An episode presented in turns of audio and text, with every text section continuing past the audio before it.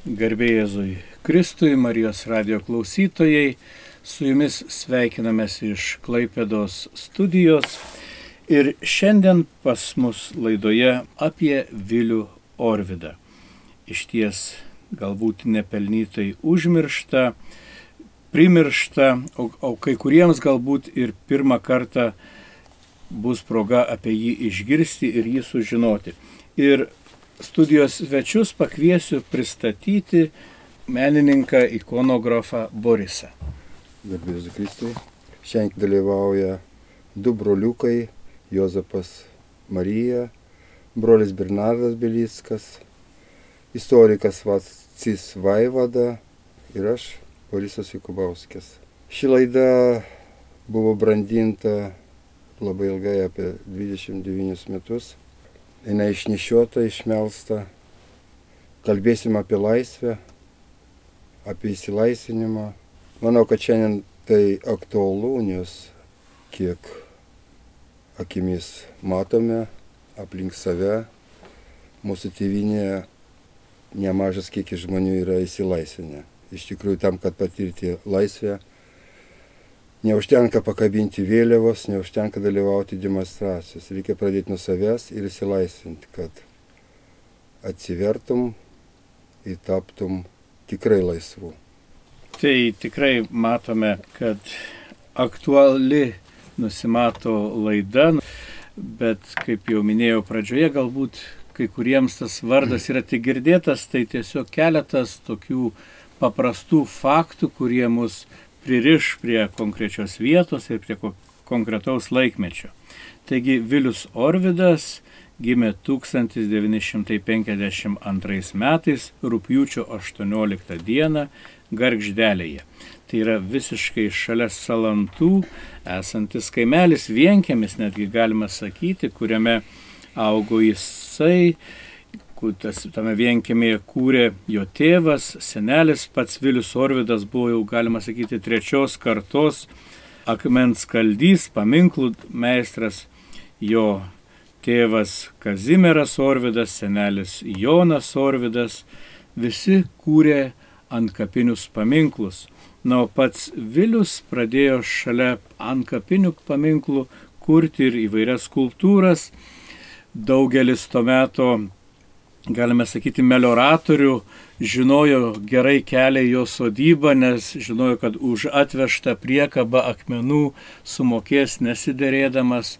Ir pats Vilius paklaustas, kam tiek akmenų jam reikia, sako, taigi čia mūsų žemė širdis, čia siela.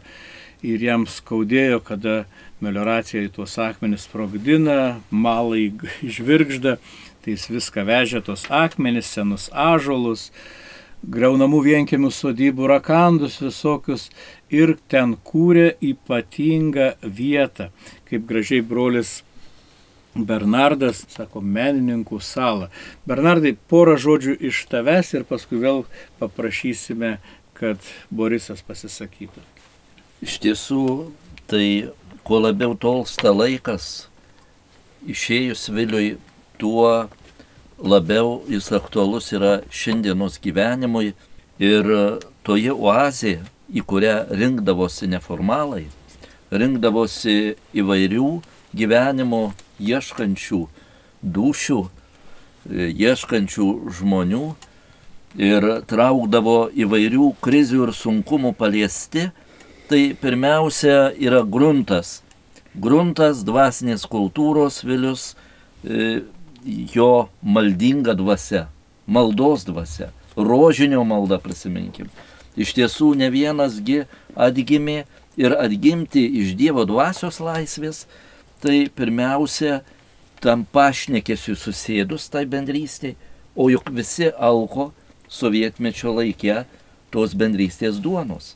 Bendravimo, buvimo kartu, tikėjimo atlaidų, Tai ta kultūra per tos akmenis pažadino, per, per tą chaosą, ten, ten buvo viskas surikiuota, viskas buvo savo vietoj.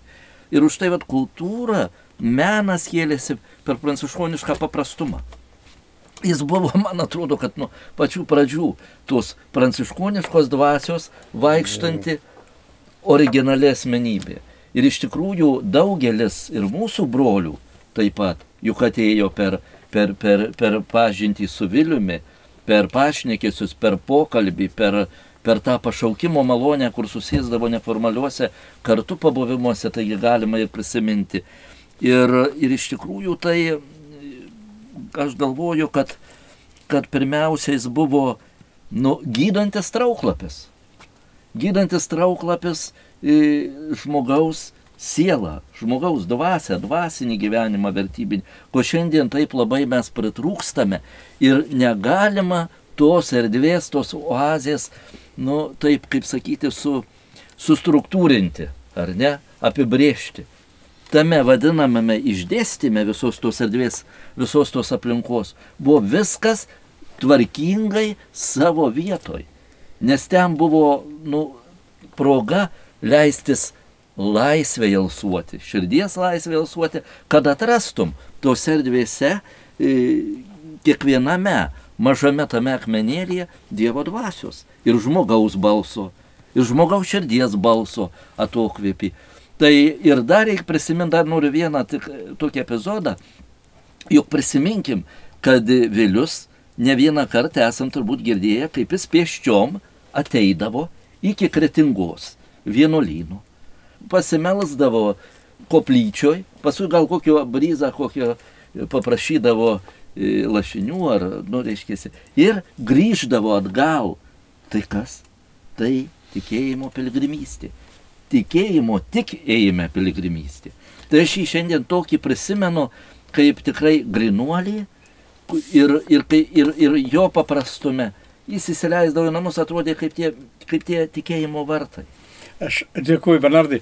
Ir iš tiesų gana sąmoningai paprašiau kalbėti tokį šiek tiek galbūt liudijimą asmeninį, bet kad suintriguoti klausytoją ir aš įsivaizduoju, kad mes šnekamės kaip draugai, kurie aiškiai įsivaizduojam tą vietą, pažįstam žmogų ir mums nereikia aiškinti kas ir kaip, bet žmogui, kuris niekada ten nebuvęs, besiklausant mūsų, atrodo, apie ką jie čia šneka. Tai šiek tiek vat, įvedant į kontekstą, tai buvo vienkėmis šalia salantų, kuriame buvo privežta daugybė akmenų riedulių, įvairiausių rastų, sukurta aplink sodybą tokia visiškai erdvė, kurią netgi kai kurie įvardindavo kaip absurdo muziejus, kur keliaudavo ir turistai pasižiūrėti, kur keliaudavo įvairiausi menininkai, kaip sakėt, įvairiausių dvasios ieškotojai ir kiekvienas atrasdavo savo vietą. Atvažiavęs galėdavai net neklausti, ar gali būti, tiesiog eini ir būni. Ir vienu metu net, sakė, buvo iki šimto žmonių ten gyveno. Kartai žiemą išrėtėdavo. Aš pats asmeniškai tą vietą atradau, būdamas moksleivis, atvažiavau ir pasilikau visai savaitai, apsuptas įvairiausių žmonių, kur išplėstom ausims klausiaus, kas čia darosi, užaugęs tarybiniai santvarkoj, girdžiu apie Kristų, girdžiu apie Budą, girdžiu apie Krišną, apie dar kažkur. Ir šalia sėdi toksai besišypsantis Gabrielius, kaip man jį pristatė, paskui sužinojau, kad ir vienuolis pranciškonų ir tyliai kalba rožančių už visus. Ir jo ta tyla limalda kalbėjo garsiau už visus.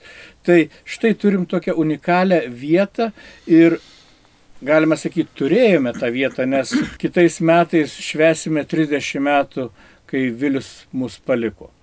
Ir kiek visko buvo nuveikta ir aš taip pasižiūrėjau, jis nugyveno tik 40 metų. Bet tik 40 metų. dienų ir 15 iškeliavo. Tik 40 metų. Ir jis reikiuojasi į tą eilę su tais didžiųjų milžinų, kada mes irgi apie, kalbam apie šventai Pranciškų, šventai Antaną, jie net 40 nesulaukė. 46, 40 kelių. Va, o milžinai, dvasios milžinai, kur tiek nuveikta, atrodo, žmonės šimtą metų nugyvena, tiek nepadaro. Tai grįžtam prie Boriso. Uh, čia taip suskambėjo iš brolio Bernardo pranašingi tokie žodžiai labai gražus - sala. Sala antai.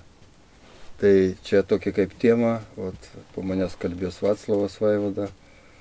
E, jinai sala atsirado neatsiktinai. Gaidžių koplyčia, kuri jisai pastatė, kuri išdikaravo Vaidotas Žukas, kuri labai mylėjo. Ir būtent ši laida aktuali yra dabar, kadangi Lietuvoje ir ne tik Lietuvoje globaliai paėmus, visam pasauliai yra paliesta pandemijos ir dabar kaip niekad, kaip Lietuvai, taip ir visiems kitiems reikalingas kažkoks kelias išėjimo, į įsilaisinimo išėjimą. Bet norėtųsi kažkaip uh, užakcentuoti pradžiai būtent tos laikus, tos senus laikus, tos sovietmečio sunkius laikus ir kaip įtraukos objektą. Net Gorbačiovas atvažiavo, įsivaizduojat, reiškia, tais laikais, ko jie ten visi ėjo, klausimas toks iškiltų, ne? Aš kažkaip giliai ir bendraudamas su Viliu, jisai daug ko mane išmokė. Tokiuose pokalbėse tapau kaimynas. Ir neatsiktinai, tarp kito, mes šiandien čia Klaipėda, Vilties mieste. Vilius Orvidas statė Saulės miestą. Įtisinys, brolio e, Benedikto dėka ir Marijos Magdalėtės kvietimu atsirado Klaipėdui. Mums reikia vilties, saulės, šviesos, taip toliau. Tai yra tai labai neįsiplėtus, prašyčiau dabar gerbiamą Vacį Vaivadą, truputėlį apie istoriją. Garbė Jėzui Kristui, labai sunku kalbėti yra po to ir po brolių tokios įžangos ir po Boriso, kurie turėjo betarpišką kontaktą su Vilium arba pergyveno, sakykime, pačioj bendrystėje, brolijos bendrystėje ir panašiai. Tai šiaip tai pažintis su, vad kaip brolis Jozapas Marija sakė, su absurdo muziejum gimė pakankamai anksti, tai buvo mūsų studijų laikais, mūsų žurnalistai tada išvažiavę. Buvo į šitos kraštus parvežę nuotraukų, bet tokių nuotraukų, kurios nu, sudrebino, tiesiog galima būtų sakyti, iš tikrųjų tai, ką mes pamatėm, net nekilo ližuvis tada pavadinti absurdo muziejum. Bet kažkodėl tai va, tarp studentų iš tikrųjų buvo išplitę, paplitę šitas pavadinimas. Ir kai pirmą kartą teko tose vietose apsilankyti jau su savo e, šeima, su e, žmonos tėvais, iš tikrųjų, nu, pajauti liktai patekęs į e, tvarką chaose. Tenai tai ir jauti tą tvarką ir tuo pačiu jauti tą galimybių vismo, kuri gali būti ne tik tai tokia, kokia yra, bet galima sukurti ir visiškai kitokią. Tai yra kūrybos dvasia, kuri buvo pakreipta būtent tokia linkme ir atrodo visiškai nederantis objektai, kurie panaudoti tai kūrybai. Nu, kėlė tiesiog didžiulį susižavėjimą tai žmonėm, kurie sugeba taip elgtis su aplinka, su gamta pirmiausia, su tuo, kas juos uh, supa. Tai ir ypatingai vėlesni tie apsilankimai, kai pamatai, kaip transformavosi galų gale į kurią pusę, į, kurio, į kokius dvasinius ieškojimus transformavosi viliausi mintis, nu, tai iš tikrųjų jau tada kėlė susižavėjimą jau ir pačių žmogumi. Tenai. Tai, tai yra visumos jutimas, Tai yra žmogus, kuris peržengia tik tai elementarų buvimą žemėje.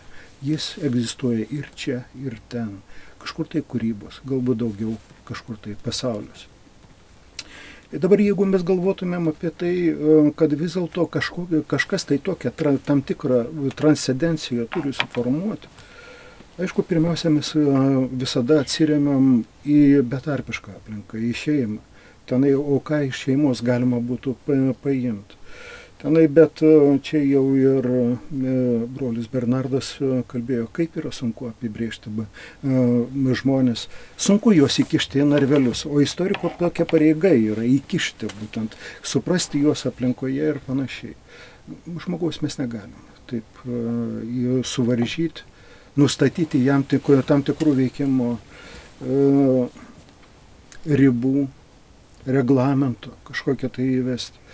Mes galim tik tai tiek pasakyti, tenai, kad e, šiaip ar taip nu, viskas priklauso nuo to žmogaus ir nuo to, kiek jam leido iš aukščiau e, jėgos pasireikšti, atpalaiduoti savo kūrybą, kiek leido netgi priartėti prie to, ką jis laikė tuo siektinu objektu, kas buvo aukščiau už visą tai ir e, kaip, kaip jis visą tai realizavo. Bet kita vertus, pagalvojus apie tas, tuos išeitinius taškus, kurie paprastai yra nurodomi, Tai aišku, nori, nenori grįžti prie giminės. Mes čia taip su Borisu pačioj pradžioj, prieš pradedant laidą, buvom e, kažkiek tai užsiminę apie Orvidų giminę. Ir Borisas taip džiaugiasi, e, yra e, jau sudaryta genealogija, kuris siekia ir Vytauto laikus ir panašiai.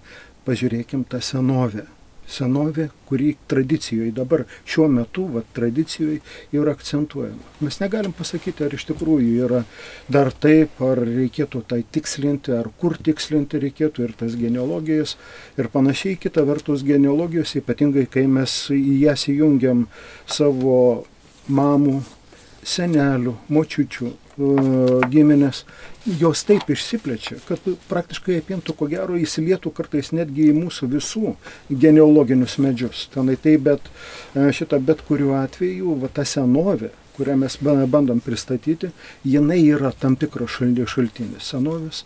Tai yra bent jau, sakykime, to, ką gali betarpiškai pajusti, jutimas, atsinešimas iš e, šeimos.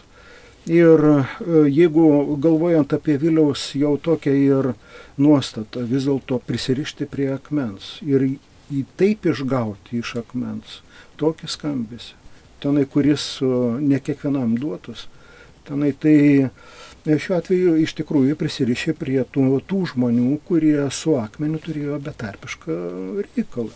Tai ir jo senelis Jonas, ir jo tėvukas Kazimieras Tai iš tikrųjų yra labai spalvingos biografijos, jeigu mes pasižiūrėtume. Senelis e, susijęs su grūžiais, iš grūžių atvažiuoja, jau sudirbęs prie akmens, jau akmentašių buvęs. Nu, pasakoma yra kartais ne akmentašys, akmens meistras. Tai e, šitą šiuo atveju tas pavadinimas, ko gero, tiktų ir e, Viliaus tėvukui, Kazimierui. Tai akmens meistras. Ir pirmas kontaktas, sakykime, jau Salantų apylinkėse, jo senelio yra su kuo, su bažnyčia susiję. Tenai tai ir tas ruošimas medžiagos, akmens medžiagos ruošimas e, bažnyčiai, nu iš tikrųjų yra va, tas dvasinis aspektas, reiškia, parodo, vis dėlto žmogus savo veiklą stengiasi įsukti į šitą šventą ratą tenai, kuriame e, galima būtų e, kažkokiu tai iškojimu galėtų semtis ne, ne tik tai jis, bet jis kaip tam tikrą turtą, kaip tam tikrą palikimą perduoda ir savo vaikams, savo anūkams. Tenai jėlė, nu, e, laikai, kuriuos nugyveno, sakykime, jo tėvukas jau yra kiek sudėtingesnis jau yra sovietiniai laikai ir tie paminklai, kuriuos, su kuriais dažniausiai tekdavo jam susidurti, jie būdavo to laiko tarp sąlygojami. Bet sakykime, kad ir šiai dabar dar stovintis palangoje jūratė ir kastytis. Ta akmens pagrindas, ant kurio nustovi, tai parengtas Viliaus tėvuko. Tenai tenčia tai ir šiuo atveju irgi, va, yra tie kontaktai, yra susidūrimas su kūryba susidūrimas su grožiu ir kadangi susiduri su, reikia apdoroti akmenis, tai atsakingas susidūrimas, nes ant jo turi stovėti akmuo, kuris laiko. Tai, tai va, žiūrint į tokį, tokį pagrindą, tenai tai iš tikrųjų truputį kitaip ir dėmesį atkreipia į patį Vilių, juo labiau, kad ir senelio atvykimas į Salantus pasirodo yra netoks jau ir atsitiktinis, bet aš apie, apie tai galbūt e, kiek vėliau. Jeigu galvoti apie šeimą, aišku, reikėtų dar ir e, mamos šeimą nagrinėti ir šei, galbūt giminę, kuri išsišakoja, irgi moteriškąją liniją. Tai bet čia jau tikrai labai užtruktų ir nebūčiau čia toks didelis žinovas šitų klausimų, bet yra kitas dalykas. E, paprastai, kai mes užbaigiam nagrinėti šeimos aplinką, mes žiūrim, o kas supa visą tai. Nu, pirmiausia, pradedant nuo pačios e, sodybos teritorijos, jeigu žiūrėti. Forma, jinai labai atitinka va tas trikampis, kuris yra Ir jeigu mes žiūrėtumėm tuos, e, tą perimetrą tik tai, labai atitiktų Žemaičių kalvarijos Dievo motinos tą trikampį tokio, kai jeigu mes jį nubražytume. Ir lygiai taip pat, vad sakykime, tą Dievo motinos skulptūrą, kurį yra Vilius padaręs. Tenai tai ar čia yra toks Viliaus užmanimas, ar čia yra jo tėvuko užmanimas, ar čia yra taip duota iš dangaus. Tiesiog tenai ten šitą, bet, bet kuriuo atveju ta teritorija būtent taip uh, atrodo, kai pirmą kartą į ją žvilgteri, žiūrėdamas iš viršaus nuo drono arba iš lėktuvo darytų nuotraukų ir panašiai. Kitas dalykas yra uh, ta aplinka, kuri senąją istoriją neša. Tenai šalia du upeliai. Vienas Alkupis, o kitas kūlupis. Nu, akmenupis, jeigu mes taip į žemaičių lietuvių kalbą išverstumėm. Ir akmuo tinka. Ir va tai dvasiniai nuomonė, e, nuostatai suformuoti. Alkupis taip pat labai tinka, kuris nuteka ten toliau, išsi, e, įteka į salantą, e, šitą netolį ant barės piliakalnių, pats piliakalnis tenai, sakykime, visa ta aplinka, kuri iš senovės vėl ateina ir kažkiek tai kvepuoja, jinai formuoja tam tikrą tokią nu, kūrybinės įtampos, netikėtumo, paslapties e, faktorių ir natūralu, kad kai e, kalbam apie aplinkos poveikį, jį reikia įskaičiuoti. Ten ir pats e, dabar kitos struktūros, jeigu mes žiūrėtumėm į miestelio raidą, Taigi ir va čia užsiminė Borisas apie Gaidžio koplyčią, apie Gaidžio kalvos koplyčią, kuri yra kutai, apie vietą, kurioje buvo išeitiniai taškai miestelio, salantų miestelio ir dar tuomet turbūt besivadinusio iš pradžių 16 amžiai bent jau skilandžiais, o e, šitą vėliau 17 amžiaus 50 metį jau pakeitusio pavadinimo į e, salantus. Tai Tai šiuo atveju iš tikrųjų yra, sakykime, ir to miestelio tokio persikėlimo ir vis dėlto tos vietos atminties išlaikymo. Atminties, kuriai Vilius taip pat skyrė dėmesį, vat, kaip e, e, pasakė ir Borisas, iš tikrųjų yra labai įdomu. Tenai tai sąšaukos e, ir su ta senovė. Kitas dalykas yra dvaro vietos. Tai dvaras 17 amžiuje žinom, kad priklausė perėjo vainoms, 18 e, amžiaus vidury e, šitą pereina Gorskiams antroji pusė 18 amžiaus. Mykolui Gorskiui tai irgi labai įdomi asmenybė. E, Žemaičių kaštelionas, tai ir pareigos aukštos, ir šiaip ar taip pati figūra įspūdinga buvusi.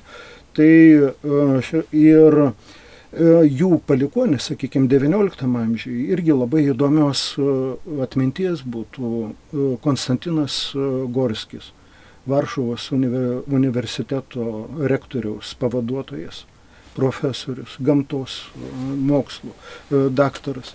Tai, o, o Salantuose dvare jų buvo ir nemenka, nemenka biblioteka, ir mineralų kolekcija, numizmatikos kolekcija, dokumentai, archyvas. E, šitą tuo pačiu buvo ir dailės darbų. Tai Tai šiuo atveju dvaras irgi palieka tam tikrą ženklą, nesvarbu ar išliko ar neišliko, bet vat visas tas buvęs turtas, jis išlieka atminti, sakytiniai atminti žmonių. Yra ir iš tikrųjų, iš tikrųjų e, jis formuoja vėl tą papildo, tą, tą buvusią seno senovę žiūrint į dabartį perinančią e, paslapti, įkaupėsi, tiesiog sluoksniuojasi ir palieka. Kitas e, objektas būtų bažnyčia, Tenai, tai e, netgi dabar e, nuo pat pradžio, jeigu reikėtų pradėti, pirmiausia, turbūt iš naujo tyrimą reikėtų daryti, ar kaip ten yra su 16 amžiumi, bet 17 amžiui labai įdomi informacija, kuri, aišku, tikrintina būtų, bet e, Žemaičių kalvariją įkūręs vyskupas Jurgis Tiškevičius tenai lyg tai buvo įrengęs maldos namus, gal, gal bažnytėlė, gal koplytėlė buvo, Bet įdomu tai, kad nuo, ši, nuo šitos bažnytėlės liktai buvo bandyta suformuoti prepozitūrą. Tenai tai, o tai jau yra tam tikras vis dėlto ir tos pačios vietos įvertinimas yra galbūt ir tam tikro pavaldo, o gal tam tikros svarbos, nu, netolio mosėdis, viskupo vieta, tenai ten šita, tai ne, ne, viskupo valdoma, jo, jo nusavybė, tenai ten šita, tai jo vieta, tenai tai šiuo atveju iš tikrųjų e, verta būtų į tai atkreipti dėmesį. Bet e, įdomiausia tai yra XIX e, amžiaus pabaiga ir XX amžiaus pradžia. Va šitos dabartinės naujos bažnyčios, e, kurią dabar turim statybą. Ir iš pradžių, aišku, XIX amžiaus pabaiga šią taip neatsitiktinai pasakiau, nes tos bažnyčios projekto autorius Konradas Štrandmanas yra e, ne tik tai e, Salantų bažnyčią e, suprojektavęs. Ta, jis yra suprojektavęs taip pat ir gruždžių bažnyčią. Ir jos yra labai panašios, palyginti iš, jeigu žiūrėtumėm ir iš priekio, ten jos iš tikrųjų panašumo turi. Ten ir svarbiausia, kad jeigu Gružiuose bažnyčia buvo statoma nuo 96 ir baigta statyti 896 ir baigta statyti 904 metais, 906 metais pradedama statyti ir Salantų bažnyčia ir čia dirbęs nuostabus uh, kunigas, prelatas uh, ir prelatas ne bet koks, uh, tai švento tėvo Pijaus XI rūmų e, prelatas e, Pranciškus Urbanavičius e, pasikviečia greičiausia, kad taip ir buvo. Baigė grušiuose statyti bažnyčią, jis pasikviečia meistrus ir va tarptų meistrų yra ir uh, Vėliaus senelis. Jonas Orvidas. Tenai, ten šitą, tai šiuo atveju tam tikra tasa buvo nuo panašių darbų pereiti prie panašių darbų čia. Ir e, tam tikra tokia lemtis susišaukė ir vėl su bažnyčia. Ir bažnyčia kaip tam tikras iš aukščiau duotas e, nu, nukreipimas čia ir pasilik. Tenai ten šitą, tai čia tai. Iš ties, iš ties nu, nuostabiai nupiešėt visą tą erdvę, kurioje na, gimė, formavosi Viliaus Orvido asmenybė, matome, nu, pradedam iš tiesų nuo pačių pačių šaknų ir, ir Vilius labai dažnai sakydavo, kaip pamenu, sako, akmenis atsimena viską. Jie sakė, jie atsimena, kaip Dievas pasaulį kūrė. Tai vad tas prisilietimas jo prie akmenų, tai iš tiesų reikalauja, kad mes, na, žvelgtume ne tik į tą momentą, bet žvelgtume ir daug toliau. Ir ačiū Jums už tą tokią perspektyvos nupaišymą tos erdvės, tos na, pašventintos tiek dvasia, tiek kultūra, tiek, sakykime, visa mūsų praeitimi erdvės, kurioje gimsta, sakykime, ši Viliaus or, Orvidų sodyba visų pirma ir toje sodyboje gimsta va toks Vilius, kuris, na, bu, galbūt buvo keistuolis tam laikmečiui, kurio galbūt nei tėvai nesuprato iš pradžių, bet tėvas visada palaikė, kiek aš atsimenu. Sesuo galbūt šiek tiek žiūrėjo vieną kimnę į tą pusę, sakė, ką čia tas brolis kvailioja, bet na, vis tiek. Viskas vyko. Ir tai tapo tokiu švyturiu, kuris traukė visus. Tais laikais dar turėjom tą griūvančią tarybų sąjungą, tai visi, kas Tarybų sąjungoje, tuometiniai sovietiniai erdvėjai buvo bent jau kažkas, visi ten atvažiavo, baigiant pačių, kaip, kaip jūs minėjote, Garbačiovų, tuometinių prezidentų, galima sakyti, visi važiavo ten ir tarptų visų, aišku, va, teko garbė ir mums, dėl to mes dalinamės ir gražinu balsą Borisui. Pats pasakyk, kodėl ir kas tas Vilius buvo tau ir kuo jis svarbus. Ir... Aš vis tik e, Dėkoju Vaciui Vaivadai, jisai dar nepaminėjo laivių kaimą, tie laiveliai, kurie plaukia link Baltijos jūros. Ir čia tiltai statyti Kazimiero ir caro Nikolajaus raštai padėkos. Čia mes turim apie ką ir pamastyti ir pasikasti galbūt ten visur pasitikslinti, taip jau, kad nebūtų e, labai čia tokia mintis gimė jinai jau senokai, galvojau, kodėl vis tik buvo pavadintas absurdo. Absurdas, kad lietuviai buvo kaip čia sakyti, užgniaužti, ne, sovietai tais laikais, tai absurdas jų galvose. Dėl to tokie absurdiški piliečiai, kurie, nu ne visai, nevardinsiu vardų, ten šį kartą su savo absurdais ir buvo traukos objektas. Matot, kaip, kaip brolio. Kaip protesto ženklas Jo. laiko Traukia prie to paties. ir, Taip. ir kartu ieškojimų kelyje per tą absurdą susidėlioja visą į savo vietą. Kaip magnetas. Ieškai taip. magnetas. I- Iš ties labai, labai, labai gera mintis, nes visi, visų mūsų galvoj buvo absurdas, bet tas, kas tą pradėjo jausti, kad pas mano galvoje absurdas, aš važiuoju, kur yra įvardinta, nes šventas raštas ir sako, kada tu įvardini kažką, tu tam įgauni galę ir gali tada pradėti keistis.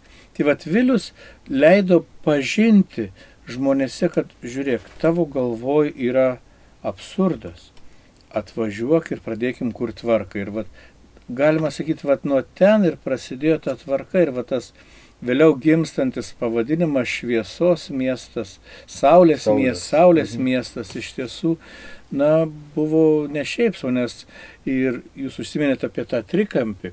Tai aš atsimenu paaišytą Viliaus piešinį jo ranka, tai tas trikampis turėjo būti dalis iš daugelio trikampiukų, kurie turėjo vėliau susijungti į apskritimą. Tai čia buvo tarsi vienas picos toksai gabalėlis. Ir va tas visas apskritimas turėjo tapti Saulės miestu. E, Deja, anksti iškeliavo, nespėjo pabaigti, bet aš galvoju iš dalies, tie kiti trikampiai, tas kitos dalelės, jos yra kūriamos kitur Lietuvoje. Ir aš tikiuosi, kad vat, per šias laidas mes atrasime tuos kūrėjus, tuos šviesuolius, kurie galbūt ne fiziškai, bet dvasiškai kūrė toliau tą Saulės miestą ir įstatė. Ir Borisas vienas iš tokių statytojų, tai prašom papasakot, ką jūs darote, kaip Nu, jūs kūrėte. Viešpats e, taip jau pakvietė ir aš tapau kaimynas.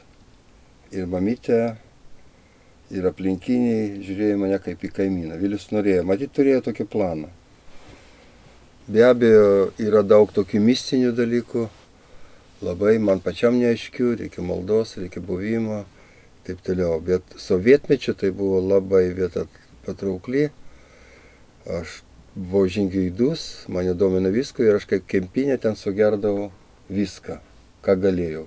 Sveikos gyvensenos, mytyba, e, pratimai visokie, giesmės visokias, rožančius, kurių nesuprasau tas laikais. Kiekvieną vakarą, mėla, dar nebūdamas vienuolės, būdavo kalbamas rožančius. Ir taip jau susiklostė, kad aš buvau liudininkas ir būdavau pakviestas į būtent į tokius reikšmingiausius įvykius, kaip užvilktuvės, kaip laidotuvės, net laidojų, net dobeiškus jau draugui.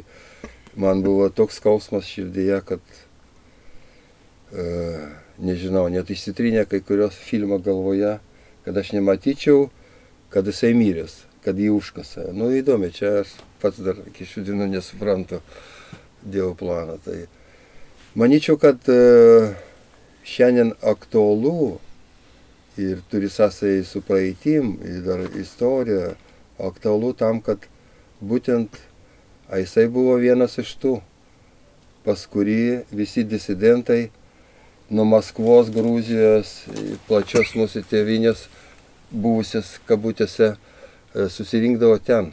Ir jie buvo tie patys gelbėtojai. Tos knygos, kurios išleista, jos neatskleidžia e, to sielos grožio, suprantat? Vardą Gabrielis jisai priėmė neatsiktinai, nešantis žinią. Kokią žinią? Šviesos, Saulės miesto statytojas iš ateikių pusę link Vilniaus jau ten buvo užmojus, ne? Ir vilties miestas. Čia aš matau didelį ryšį tokį. Ir to statymo žymė, kad akmenį nešdamas sustojo laikė. Taip. Taip. Sustojo taip, laikė. Taip, sustojo laikė. Ir- liko.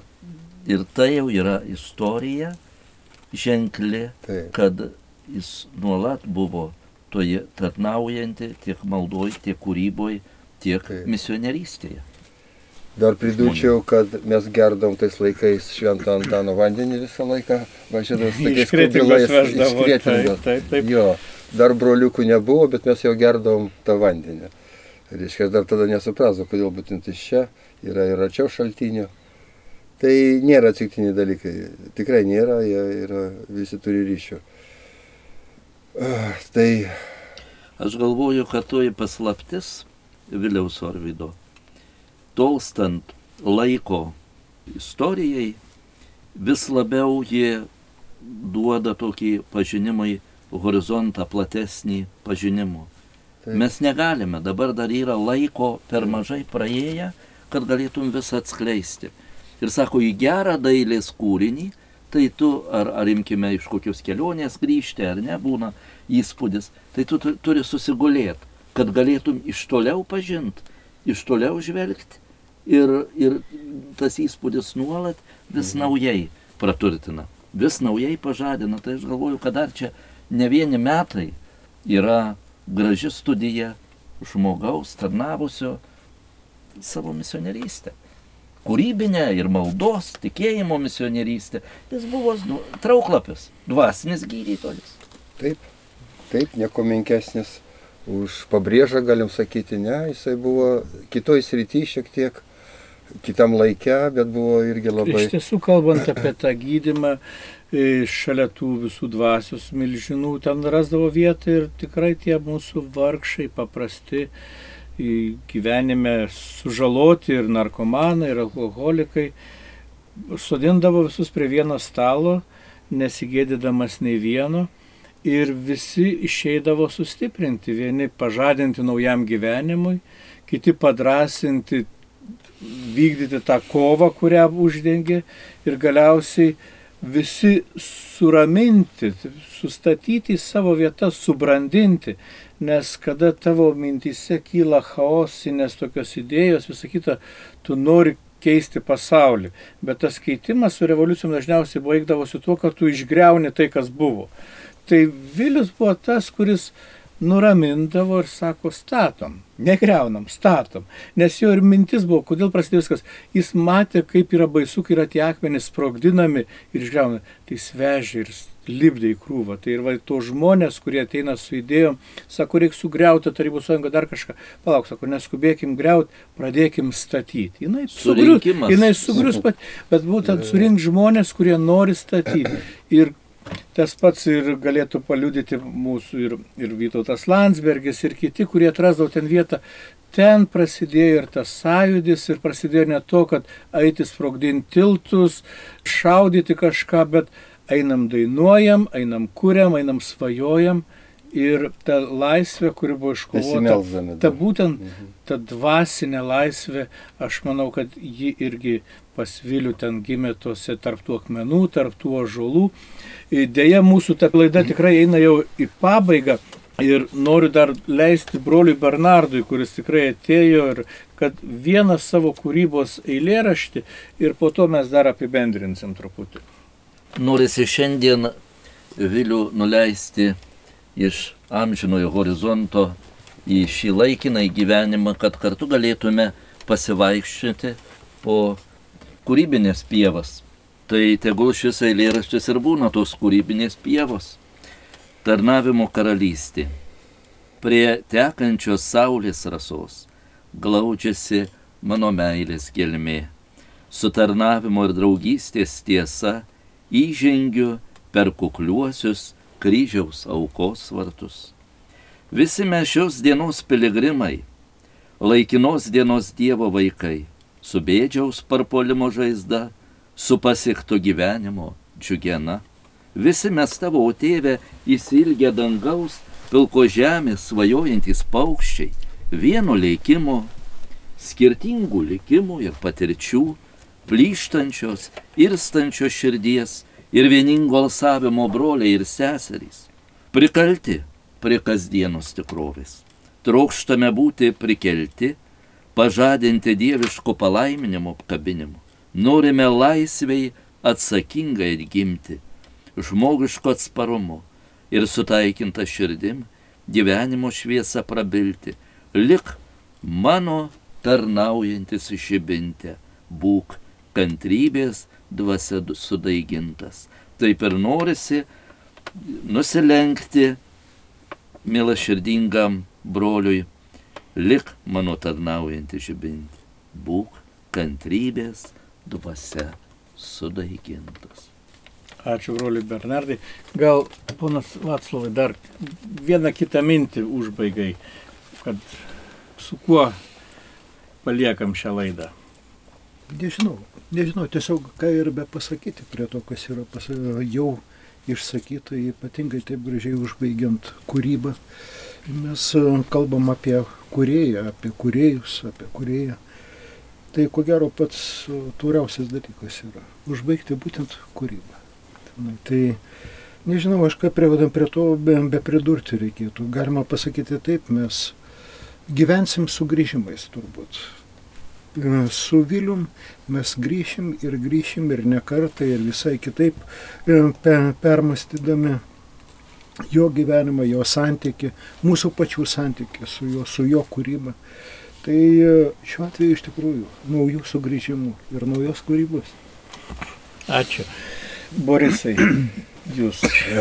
Aš labai norėčiau šiandien palinkėti garsaus mūsų išėvio, kuris jau išėjo pas viešpatį Jono Meko, kad mama nesupranta sunaus, kaip ir tėvinė Lietuva nesupranta Viliaus iki šių dienų ir jisai yra primirštas. Jisai gyvas yra. Jisai užtarė mus danguje, aš nebejoju. Kokioj buveinė jisai nežinau, bet jisai užtarė, laimina, kalbasi, aš kalbuosiu su juo kartais, tai gal kam nors pasirodys keista, bet taip yra, ryšys yra, aš negaliu jį nutraukti pats. Gerbimi piliečiai, įsilaisvinkim ir pradėkim nuo savęs, nuo savo šeimų, nuo savo vaikų, nuo savo tėvų, nuo savo senelių, prosenelių. Ir tada mes būsim laisvi. Galėsim dainuoti ir šokti O mums istorikai, etnografai padės sukurti tos pačius ženklus, kurie priklauso mūsų tautai. Ačiū, kad išklausėt. Tikrai dėkoju Borisui Jokubauskui, Vaclavui Vaivadai, broliui Bernardui Belickui ir aš brolis Juozapas Marija.